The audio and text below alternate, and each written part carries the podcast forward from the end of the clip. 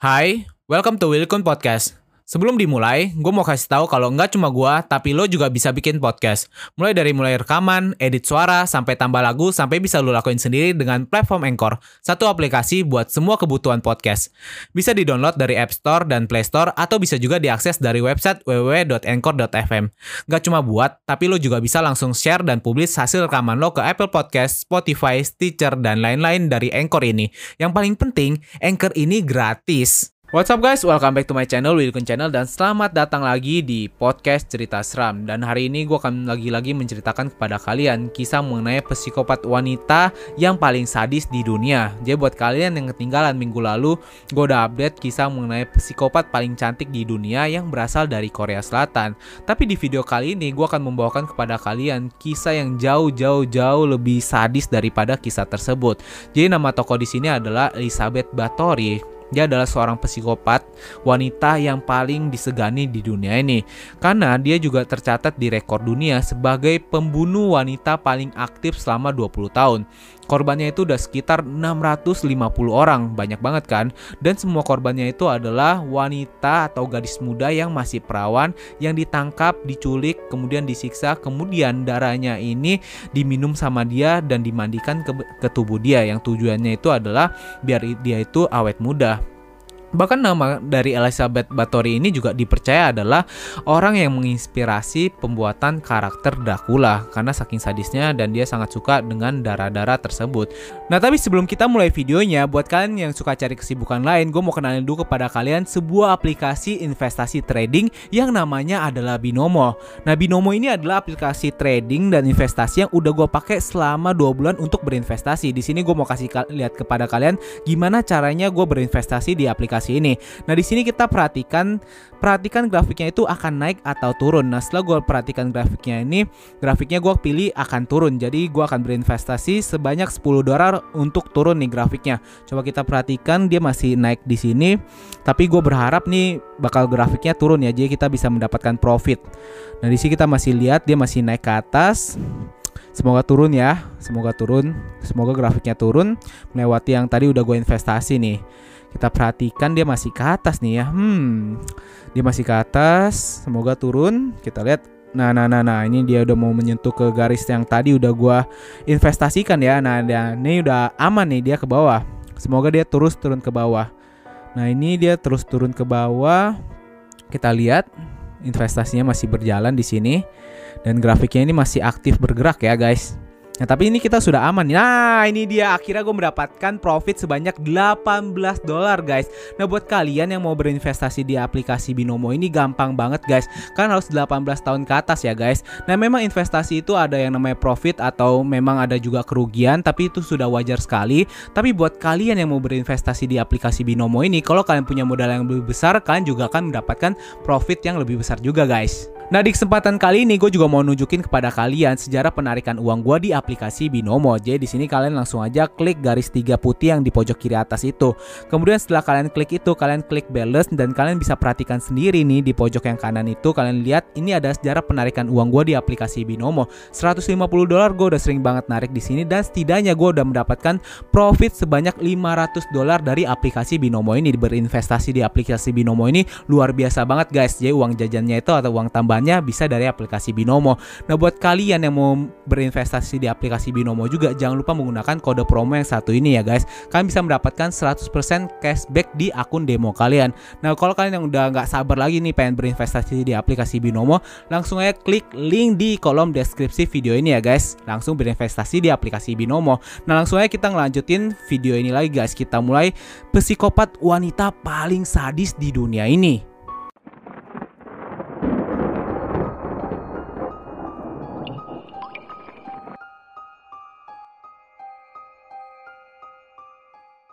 Elizabeth Bathory lahir pada tanggal 7 Agustus 1560 di negara Hungaria. Dia itu terlahir di keluarga bangsawan di mana ayah dan ibunya itu memang bangsawan yang sangat terkenal pada saat itu dan keluarganya ini sangat terpandang dan sangat kaya raya pada saat itu. Jadi dia itu salah satu keluarga yang disegani di negara itulah. Karena memang dari sejarahnya nih silsilah keluarganya, kakek dari Elizabeth Bathory ini adalah pahlawan di negara tersebut.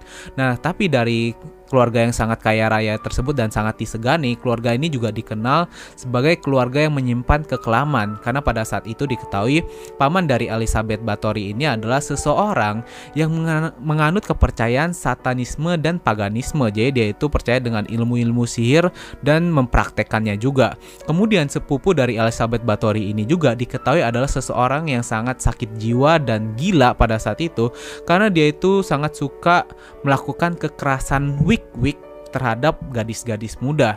Jadi memang keluarganya ini walaupun terkenal sebagai pahlawan menyimpan sisi gelap yang sangat mengerikan. Kemudian Elizabeth kecil juga diketahui sudah mengidap kelainan sejak kecil di mana tubuhnya ini terdapat satu penyakit yaitu epilepsi. Jadi sejak kecil itu Elizabeth sudah sering-sering kejang-kejang gitu loh dia. Dan setelah dicari tahu rupanya kenapa dia bisa mengidap kecacatan ini karena keluarganya itu atau tepat lebih tepatnya ayah dan ibunya ini menikah sedara. Jadi diketahui ayah dan ibunya ini adalah adik dan kakak kandung yang menikah dan hasilnya Elizabeth ini jadi cacat deh.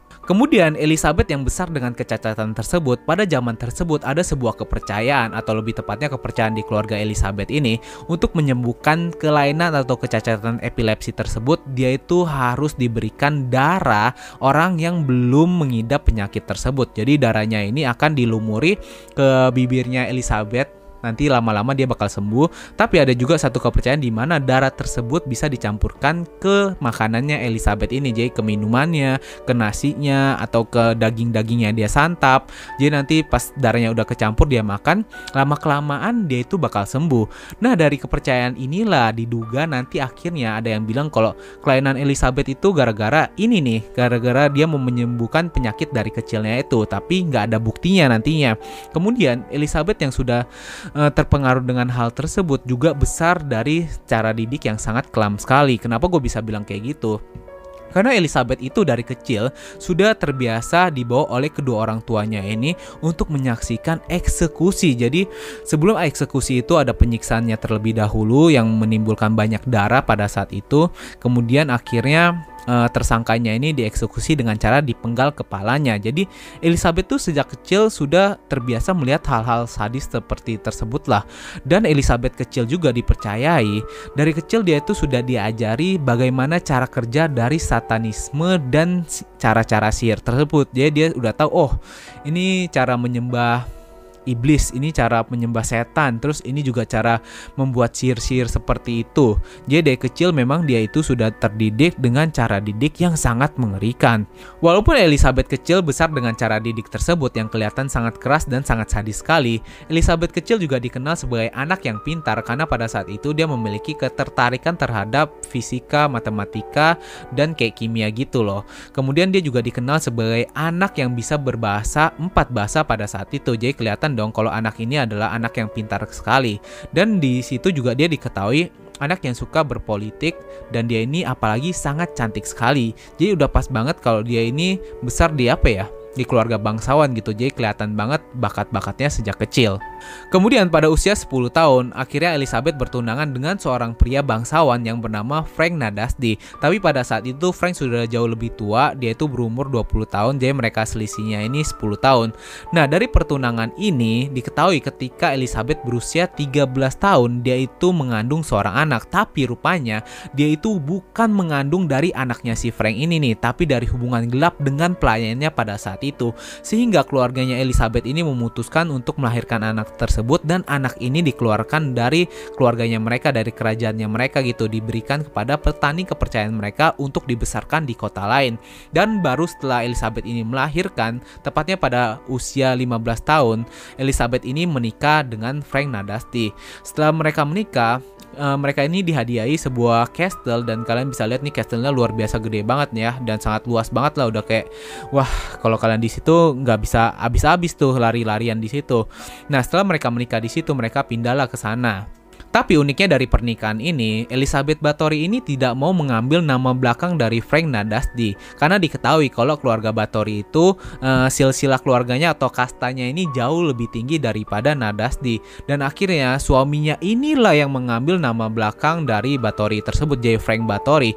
Gue juga baru tahu sih bisa seperti ini rupanya. Tapi di situ kelihatan banget kalau si Elizabeth Bathory ini nggak mau turun kastanya ke bawah Setelah pernikahan mereka itu, mereka tidak langsung memiliki momongan karena diketahui Frank dan Elizabeth ini adalah pasangan yang sangat sibuk sekali. Frank pada saat itu adalah seorang pahlawan di negara mereka di negara Hungaria yang sangat berani, bahkan dia itu dijuluki sebagai Black Hero of Hungaria. Jadi memang suaminya ini sangat keren dan sangat nah disegani lah di situ karena dia itu adalah pahlawan. Kemudian sedangkan Elizabeth sendiri mengurus kerajaan dari suaminya itu, dia ini berbisnis, dia itu bisnis ladang pada saat itu.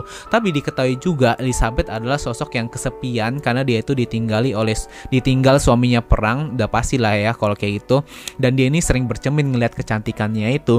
Dan diketahui juga dia itu adalah seorang wanita yang sangat suka wik-wik. Jadi pada saat itu dia bahkan sempat ketika suaminya pergi berperang, dia ini pergi dengan kekasih gelapnya, bahkan sempat kabur gitu. Tapi pada waktu itu akhirnya dia kembali ke kerajaannya dan akhirnya suaminya ini memaafkan Elizabeth pada saat itu. Tapi nggak berhenti dari situ aja. Rupanya kelainan dari wik-wik miliknya Elizabeth ini rupanya dia itu juga adalah seseorang yang menyukai sesama jenis. Jadi wow, mind blow banget kan, sangat menyeramkan.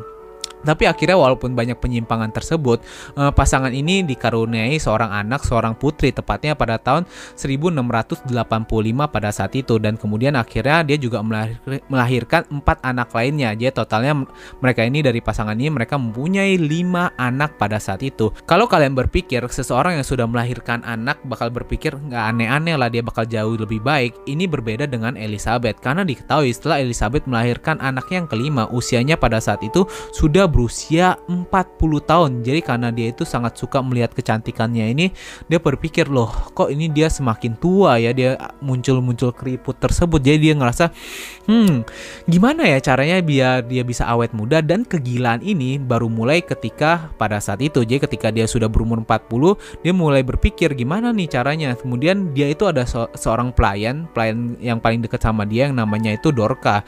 Dia bertanya kepada pelayannya, "Kamu tahu gak gimana caranya biar saya ini bisa awet muda? Coba lihat tuh keriput saya udah banyak di bawah mata terus ada di pipinya kemudian di keningnya itu udah banyak banget.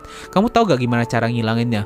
Kemudian Rupanya, yang mengajarkan cara satanisme atau kegilaan ini berasal dari pelayannya tersebut. Kenapa gue bisa bilang kayak gitu? Karena ini tercatat di sejarah. Pelayannya pada saat itu bilang kepada Elizabeth, dia bilang, saya tahu sebuah cara, yaitu dengan cara kita meritualkan atau menumbalkan seorang gadis perawan.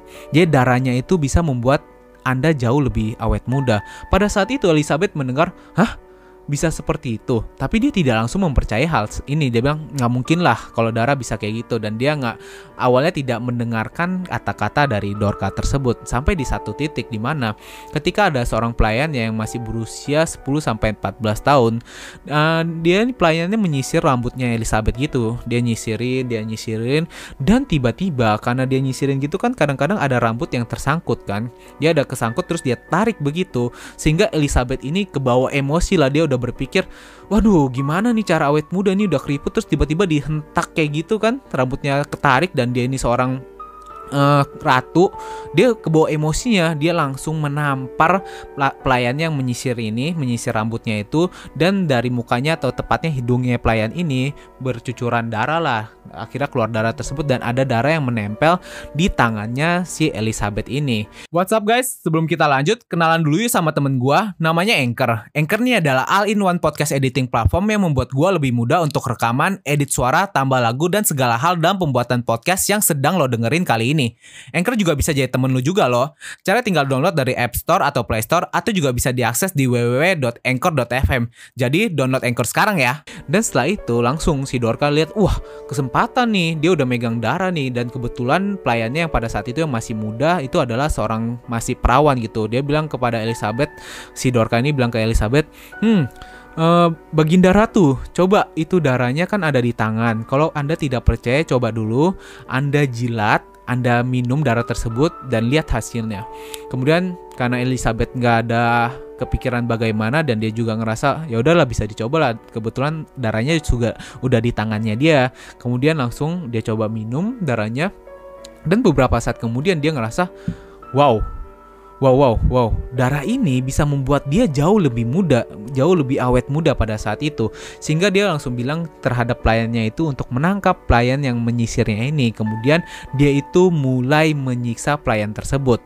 Di mana urat nadinya dan lehernya ini dipotong, kemudian digantung terbalik untuk jatuh di bak mandinya dia itu. Sehingga si Elizabeth ini bisa langsung menikmati darah pelayannya itu dengan cara diminum dan dimandikan di sekujur tubuhnya biar jauh lebih awet awet muda. Setelah kejadian itu, akhirnya Elizabeth menyadari dia itu sangat menikmati ketika menyiksa korban-korbannya dan dia itu juga sangat membutuhkan gadis-gadis muda yang masih perawan untuk diambil darahnya, untuk diminum dan dimandikan ke tubuhnya agar dia awet muda.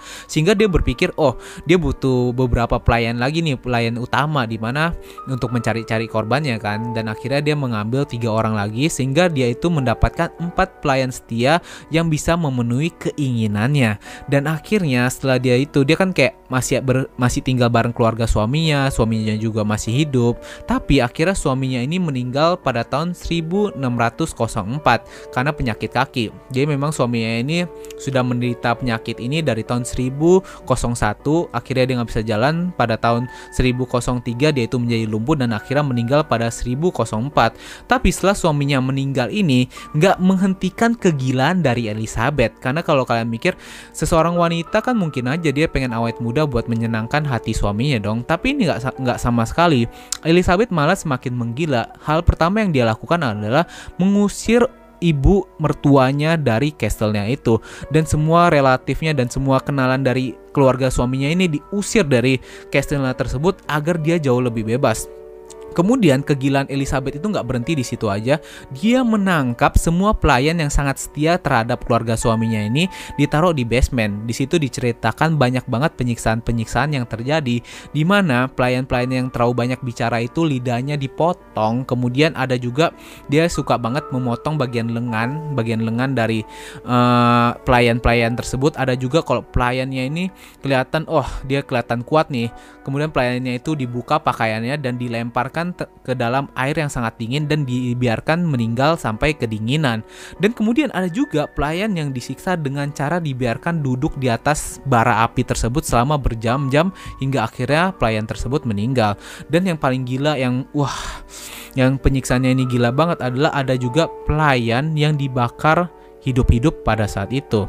Kemudian kalau kalian ngomongin tentang bagaimana cara dia menyantap daging-daging gadis perawan, dia itu juga pada saat itu diceritakan dengan cara kan dia suka memotong bagian lengannya ini kan, bagian lengannya ini kayak diperus terus diminum gitu darahnya. Dan ada juga satu kejadian di mana dia itu langsung loncat ke gadis mudanya tersebut untuk menggigit bagian leher, bagian lengan, dan bagian pipinya ini. Jadi ketahui setelah kejadian itu, rupanya Elizabeth juga memakan daging manusia. Wow, mengerikan banget kan? Setelah banyaknya korban tersebut, sebenarnya di awal-awal kejadian Elizabeth mulai menggila ini, dia itu masih menguburkan korban-korbannya itu. Jadi dia ini memanggil pendeta dari kota, kemudian dia bilang, ini pelayan-pelayannya ini meninggal karena kecelakaan kerja nih, jadi tolong didoain, dikuburkan di tempat yang sewajarnya. Tapi akhirnya pendeta ini mikir, loh kok ini korbannya tiap hari nambah? Terus kok nih tiap hari muncul terus korbannya? Masa ada kecelakaan kerja tiap hari? Akhirnya pendetanya itu pun curiga. Dia bilang kayaknya nggak bisa lagi nih. Saya nggak bisa memimpin kebaktian di sini soalnya saya curiga. Dan akhirnya dia nggak mau kan nguburin eh, nggak mau mimpin kebaktian di situ dan pendeta itu mau pulang ke kota. Dan pada saat itu Elizabeth juga karena dia takut dilaporin oleh pendeta ini. Dan nanti castle-nya ini digerebek dia mem, dia mengancam pendeta tersebut. Dia bilang jangan kasih tahu siapa-siapa atau Anda akan menjadi korban berikutnya. Akhirnya pendeta tersebut nggak bisa nggak bisa apa-apa. Dia takut keluarga Elizabeth ini adalah keluarga bangsawan yang sangat terpandang. Akhirnya dia diam pada saat itu. Karena si Elizabeth juga udah nggak bisa nguburin korban-korban yang sangat banyak. Akhirnya dia itu menyuruh pelayan-pelayannya tersebut untuk membuang korban-korbannya ini ke ladang, ke sungai, kemudian ditaruh aja di castle-nya tersebut. Jadi kalau kalian masuk ke castle-nya tersebut, kalian akan menemukan banyak banget bagian tubuh-tubuh, kemudian tubuh juga ada tubuh yang masih lengkap, ada yang sudah terpotong-potong di lorong-lorongnya di atas meja makan, ada juga yang sudah tergantung dan ada juga yang masih terikat sedang disiksa, ada juga yang masih hidup, ada juga yang masih menunggu gilirannya gitu sedang nggak bisa kabur sama sekali. Dan yang paling mengerikan ya itu ada yang sudah digantung di atas bak mandinya Elizabeth agar darahnya langsung mengalir ke Elizabeth dia bisa langsung menikmati dia bisa langsung meminum dan dia itu langsung kena kulitnya ini. Dia percaya itu bisa membuat dia awet muda karena rangkaian kejadian tersebut, akhirnya pelayan di castle Elizabeth ini udah nggak ada gitu. Semua pelayannya sudah ditangkap, sudah disiksa, udah nggak ada orang lagi. Akhirnya Elizabeth ini ngelakuin apa? Kalian tahu gak? Dia membuka lowongan kerja fiktif untuk pelayan yang syaratnya itu cuma satu, yaitu syaratnya adalah harus wanita yang masih gadis dan masih perawan. Jadi kalau kalian perawan terus kalian gadis silakan bisa masuk mendaftar gitu dia bilang. Dan akhirnya ada ada aja orang yang mendaftar karena nggak tahu dan dia masuk kalian tahu dong apa yang kejadian dia langsung ditangkap dan dia itu disiksa. Karena akhirnya korbannya itu sudah banyak banget dan rumornya juga sudah beredar karena dia kan nangkepin semua orang di situ. Terus untuk disiksa yang masuk ke castle yang nggak bisa keluar lagi rumornya tuh udah banyak banget sehingga nggak ada orang yang berani untuk mendaftar ke lowongan pekerjaan ini. Dan akhirnya kalian tahu gak apa yang disuruh Elizabeth kepada empat pelayan setianya itu. Dia menyuruh untuk menangkap orang-orang yang lebih tepatnya adalah gadis di sekitar kerajaannya, di kota-kotanya, di desa-desa kerajaannya itu untuk dijadikan ritual atau tumbal dari keinginan Elizabeth ini. Dan akhirnya ya udah, karena udah ditangkap, udah lowongan fiktif juga udah nggak ada dia ngerasa wah ini korbannya mau cari di mana lagi nih? Udah nggak ada nih di sekitar tempatnya nggak ada yang berani masuk terus juga pada kabur nggak ada udah beredar rumornya. Akhirnya apa yang menyebabkan Elizabeth uh, Bathory ini terangkap adalah dia itu mulai menangkap bangsawan kelas rendah untuk dijadikan ritualnya pada saat itu.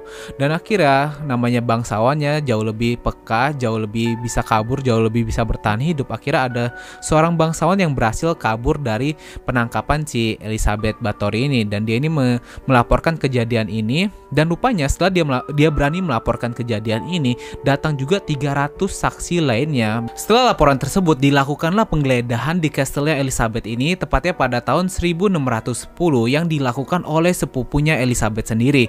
Ya karena waktu itu sepupunya Elizabeth memang berwenang karena kalau kalian ingat keluarganya itu sangat berpengaruh termasuk di penggeledahan ini nih. Jadi mereka itu menggeledah kastelnya ini dan mereka sangat kaget sekali karena sepupunya Elizabeth ini nggak menyangka apa yang dilakukan atau kegilaan dari sepupunya itu. Dia pas masuk ke dalam situ mereka sudah menemukan banyak sekali tulang belulang di sekitar uh, taman-tamannya castle-nya ini. Kemudian di depannya juga udah ada tulang-tulang. Kemudian di sekitar itunya juga banyak banget potongan-potongan tubuh manusia yang sudah nggak jelas lagi potongannya apa. Ada juga eh, tubuh-tubuh yang sudah nyaris terpotong, orang-orang yang tersiksa, orang-orang yang digantung di mana-mana, diikat, yang masih berdarah-darah, kemudian juga ada orang yang ada di atas meja makan. Kemudian ketika mereka ngeliat ke basementnya itu banyak banget orang-orang yang juga sudah kelaparan gak dikasih makan diikat di situ menunggu gilirannya. Jadi wah sangat mengerikan banget ketika yang mereka lihat itu deh. Dan pada saat itu yang paling mengerikan mereka juga menemukan Elizabeth berada di ruangannya itu tepatnya di ruangan yang ada bak mandinya. Dia itu sedang menggantung orang-orang yang seperti kebiasaannya itu dan dia menikmati dia memakan daging-daging tersebut dia juga meminumnya dan dia juga meluru, melurui sekitar tubuhnya ini menggunakan darah-darah gadis yang masih perawan. Jadi benar-benar pada saat itu Elizabeth sudah ketangkap basah, dia melakukan kegilaan ini, ke psikopatan ini nih, menangkap 650 gadis perawan untuk disiksa dan diambil darahnya pada saat itu. Uh, merinding langsung gue ceritanya. Akhirnya setelah penggeledahan tersebut, Elizabeth Bathory ditangkap pada tanggal 30 Desember 1610. Dia itu benar-benar nggak bisa ngomong apa-apa lagi, buktinya udah banyak dan empat pelayan setia dari Elizabeth Bathory ini juga ditangkap dan dijatuhi hukuman. Dua di antaranya itu dipotong dulu tangannya, kemudian dibakar hidup-hidup, sedangkan dua lainnya dipenggal kepalanya hidup-hidup. Nah, sedangkan Elizabeth ini sendiri tidak bisa diadili pada saat itu. Dia bahkan tidak menghadiri, dia tidak menghadiri pengadilannya sama sekali karena pada saat itu Elizabeth adalah seorang darah bangsawan yang sangat terpandang di negara Hungaria. Sehingga pada saat itu cuma ada satu uh, sanksi yang bisa diberikan kepada dia adalah dia dihukum untuk dikurung di dalam kastilnya atau tepatnya di towernya itu satu tower yang dikelilingi oleh batu gitu. Jadi nggak ada cahaya sama sekali yang disisakan cuma rongga kecil di, supaya diberiin makanan. Dan akhirnya empat tahun kemudian tepatnya pada tahun 1614 Elizabeth itu ditemukan sudah meninggal pada usia 54 tahun tahun. Nah gimana menurut kalian? Kisahnya sangat menyeramkan sekali kan? Bahkan setelah meninggalnya Elizabeth Bathory ini, e, namanya itu tidak boleh disebutkan selama bertahun-tahun karena itu kayak terlarang gitu loh namanya. Bahkan juga diketahui kisah dari Elizabeth Bathory ini juga dipercaya adalah kisah yang menginspirasi karakter dari Dracula karena memang Elizabeth tuh udah kelihatan sangat menyeramkan, dia juga memakan daging manusia, dia juga meminum, jadi bener-bener udah kelihatan kayak sosok Dracula kan. Nah gimana menurut kalian kisah ini? Sangat menyeramkan nggak? Coba tinggalin pendapat kalian di kolom komentar, gue mau tahu. Kalau kalian mau request cerita-cerita yang sangat menyeramkan atau kisah-kisah sejarah juga langsung aja komen di kolom komentar. Pasti gue baca bakal gue lihat-lihat bakal gue review-review juga ya guys. Nah itu dia guys video hari ini. Thank you banget guys udah nonton sampai ujung ini.